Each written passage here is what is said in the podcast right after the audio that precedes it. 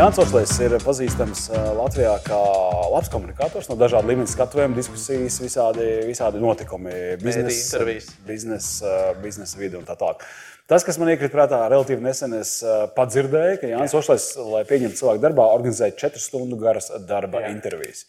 Un es domāju, tas ir nu, tā, tā, komunikācijas process ar lielo burtu. Un, protams, es saprotu tavu interesi. Ja tu gribi paņemt tiešām ne Jā. tikai kaut kādu eh, spīdošu talantu, tīri kā izskatās viņš, kā viņš sev uz papīra ir uzlicis tajā CV, bet arī saprast to Jā. cilvēku. Varbūt var izstāstīt eh, un iedot mūsu skatītājiem un klausītājiem tādu.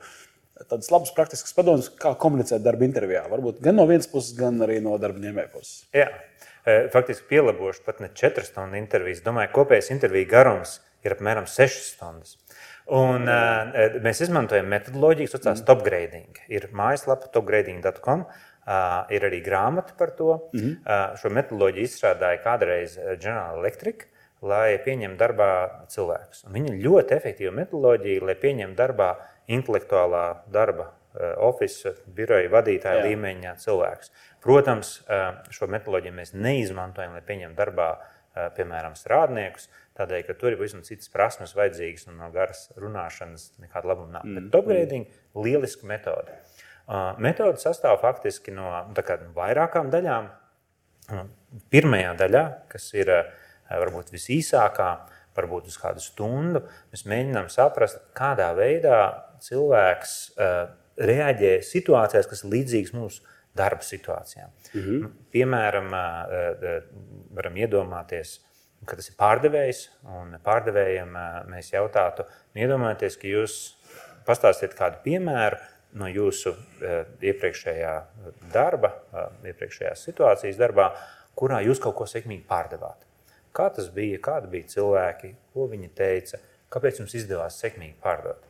Un pēc tam mm -hmm.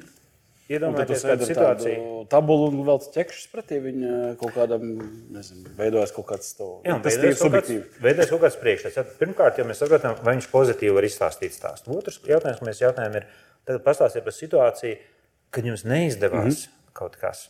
Un kā tas bija, un kāda bija situācija, kāpēc neizdevās, un ko jūs no tā mācījāties? Un tu un... droši vien lasi tajā brīdī ne tikai klausies, ne tikai viņu atbildēt, bet arī mēģini redzēt viņa emocionālo stāvokli. Droši vien uz veidu, kā viņš, eh, kā viņš jūtās par to runājot, par tām savām pieredzēm. Vai, vai... Jā, bet stundas laikā lielākoties pirmās intervijas šīs laikā cilvēki Jā. ir labā emocionālajā stāvoklī un spēj brīnišķīgi noturēties. Un ir grūti nolasīt, kā viņš domā. Daudz Tātad viņš ir uztraukušies.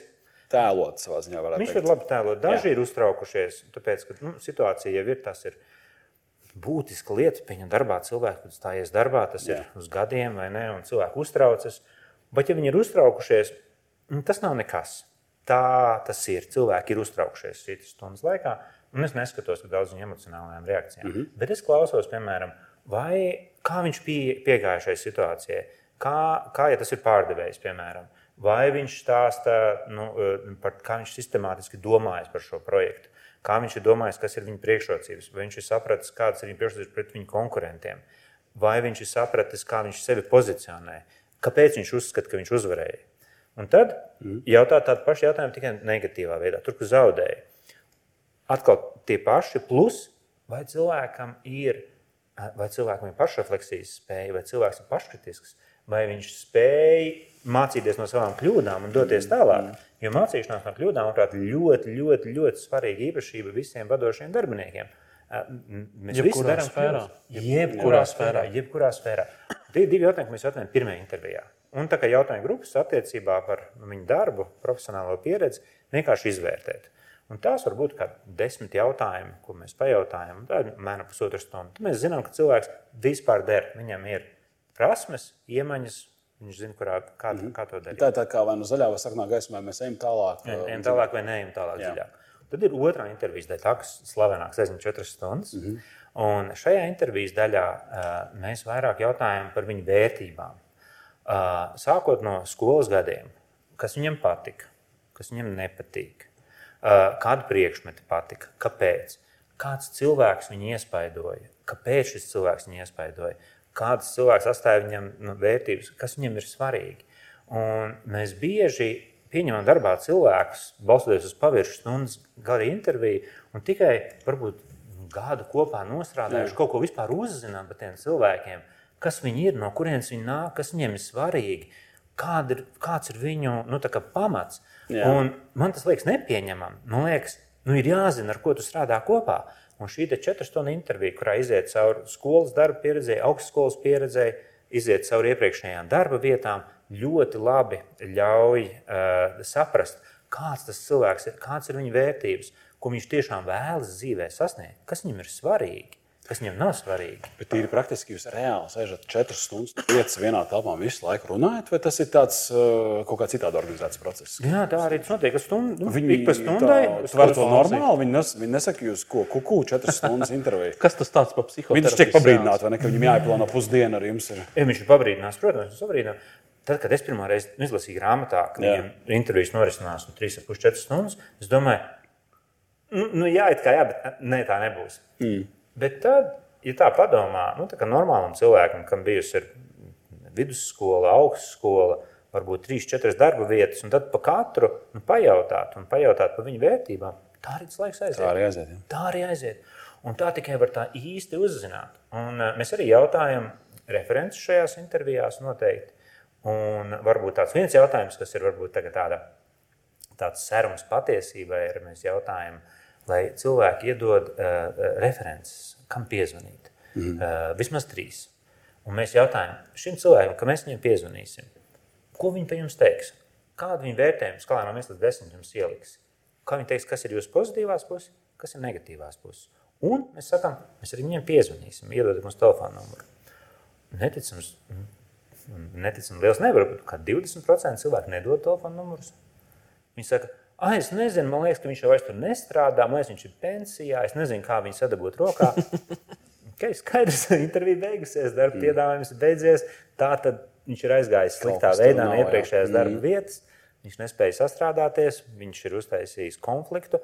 Nav vajadzīgs mums. Nav tā, ka tu iedod, viņam to jautājumu, viņš brīvi tā bez bažām iedod tos numurus, tu pat vari nezvanīt, tu jūti, ka tur viss ir kārtībā.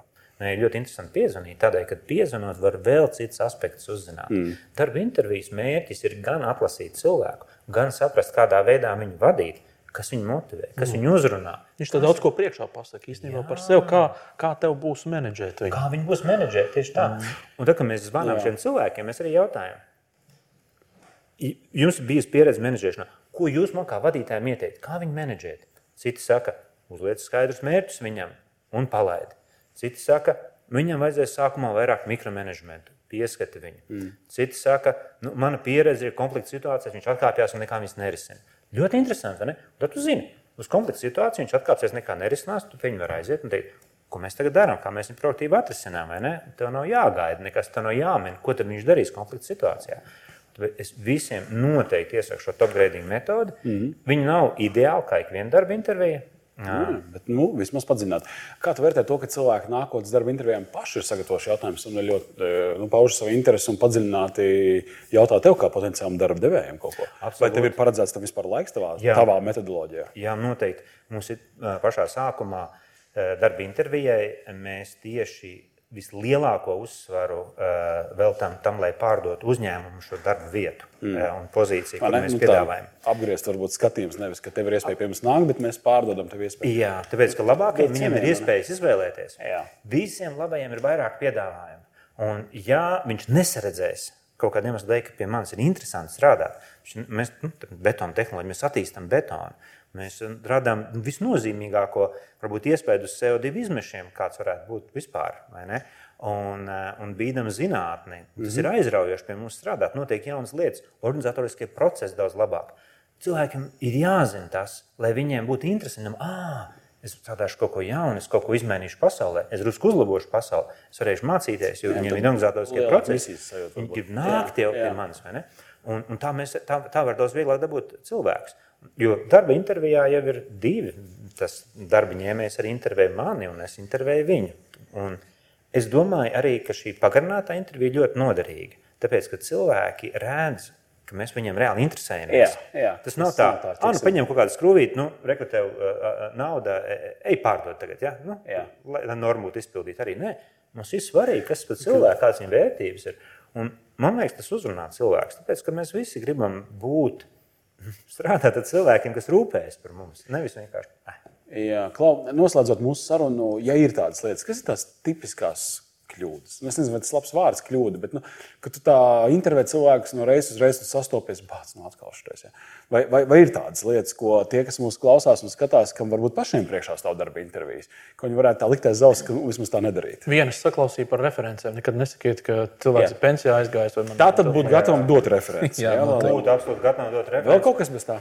Es domāju, būt pašam. Un uh, dažreiz cilvēki liekas, ah, man kaut kāds tas aspekts ir slikts es uzlabošu to un izstāstīšu skaistāk, tā jā, lai viņiem jā. labāk patīk.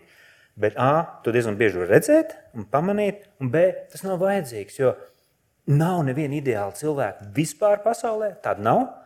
Jo tu skaidrāk saredzi, kas ir pozitīvās puses, kas ir negatīvās puses. Es kā vadītājs arī varu redzēt, kur es viņu varu ievietot. Mm. Un varbūt tā pavisam ir citas lieta, pat ne tā, kurā nu, es biju iedomājies. Varbūt tas trūkums reizēm izvēršas par efektu. Nu, tu... Trūkums ir efekts. Jā, jā, jo daži cilvēki vienmēr ir ļoti negatīvi vērsti uz kļūdām, uz problēmām. Viņi domā, varbūt tas kaut kādā veidā jāslēp.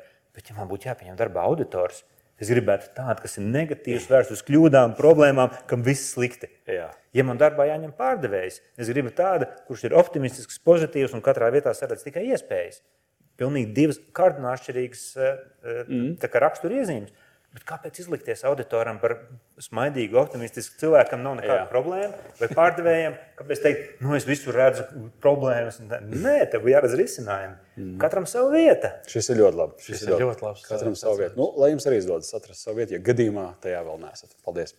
Paldies! Vislabāk!